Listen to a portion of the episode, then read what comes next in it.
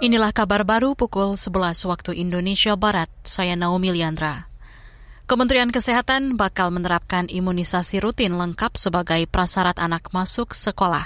Wakil Menteri Kesehatan Dante Saksono Harbuono mengatakan, aturan ini sebagai upaya mencapai eliminasi atau penghapusan total penyakit campak dan rubella pada tahun depan. Dante mengatakan kebijakan ini diambil melalui koordinasi dengan Kementerian Pendidikan, Kementerian Agama, serta Kementerian Dalam Negeri melalui surat keputusan bersama SKB 4 Menteri. Koordinasi antar kementerian ini dilakukan untuk memastikan setiap sekolah memasukkan agenda bulan imunisasi anak sekolah atau BIAS sebagai kegiatan wajib unit kesehatan sekolah UKS sehingga orang tua mau mengimunisasi anak mereka. BIAS merupakan program imunisasi wajib yang dilaksanakan dua kali setahun.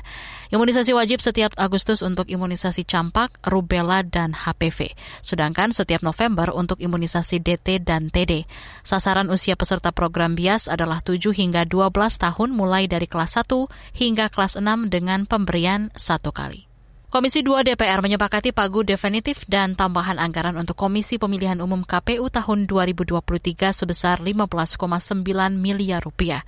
Wakil Ketua Komisi 2 Junimart Girsang meminta Badan Anggaran DPR segera memasukkan pagu tambahan tersebut ke dalam alokasi pagu definitif KPU tahun depan. Komisi 2 DPR RI menyetujui pagu anggaran Komisi Pemilihan Umum Republik Indonesia tahun 2023 sebesar 15 triliun 987 miliar 872 juta seribu rupiah. Komisi 2 DPR RI menyetujui usulan tambahan anggaran yang diajukan KPU RI sebesar 7 triliun 869 miliar 445 juta 225 ribu rupiah dan meminta kepada Badan Anggaran DPR RI untuk memenuhi usulan tambahan anggaran tersebut. Selain KPU, Komisi 2 DPR juga menyepakati pagu anggaran Badan Pengawas Pemilu Bawaslu sebesar 7,1 triliun rupiah masuk ke pagu anggaran.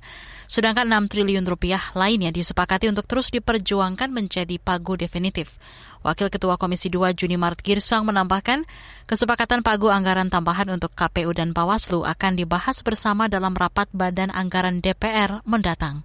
Beralih ke informasi lain, kuasa hukum bekas Bupati Bogor, Ade Yasin, Dina Butar-Butar meyakini hakim akan memfonis bebas kliennya. Ade Yasin merupakan tersangka kasus suap untuk memuluskan laporan keuangan pemerintah Kabupaten Bogor tahun anggaran 2021.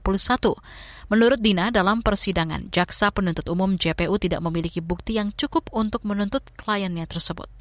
Kalau ini sampai dikatakan adalah bersalah buat kami adalah ini adalah matinya keadilan di Republik Indonesia ini. Ini kami akan ikrarkan bahwa keadilan itu tidak ada di pengadilan ini gitu. Tapi kami masih optimis dengan uh, majelis hakim akan memutus bebas terhadap Bu Ade Yasin karena kami yakin majelis itu adalah juga pasti memutus itu berdasarkan dua alat bukti yang sah. Tadi kita udah lihat bahwa dakwaan JPU di dalam tuntutannya itu tidak ada alat bukti apa pun yang membuktikan bahwa Bu Ade Yasin tersebut bersalah. Sebelumnya, Jaksa Penuntut Umum Kejaksaan Agung menuntut Ade Yasin dihukum tiga tahun penjara. Majelis Hakim di Pengadilan Tindak Pidana Korupsi Bandung, Jawa Barat akan membacakan vonis hukuman pada Ade Yasin pada 23 September mendatang. Selama persidangan, Jaksa KPK menghadirkan 41 orang saksi. Demikian kabar baru KBR, saya Naomi Liandra undur diri.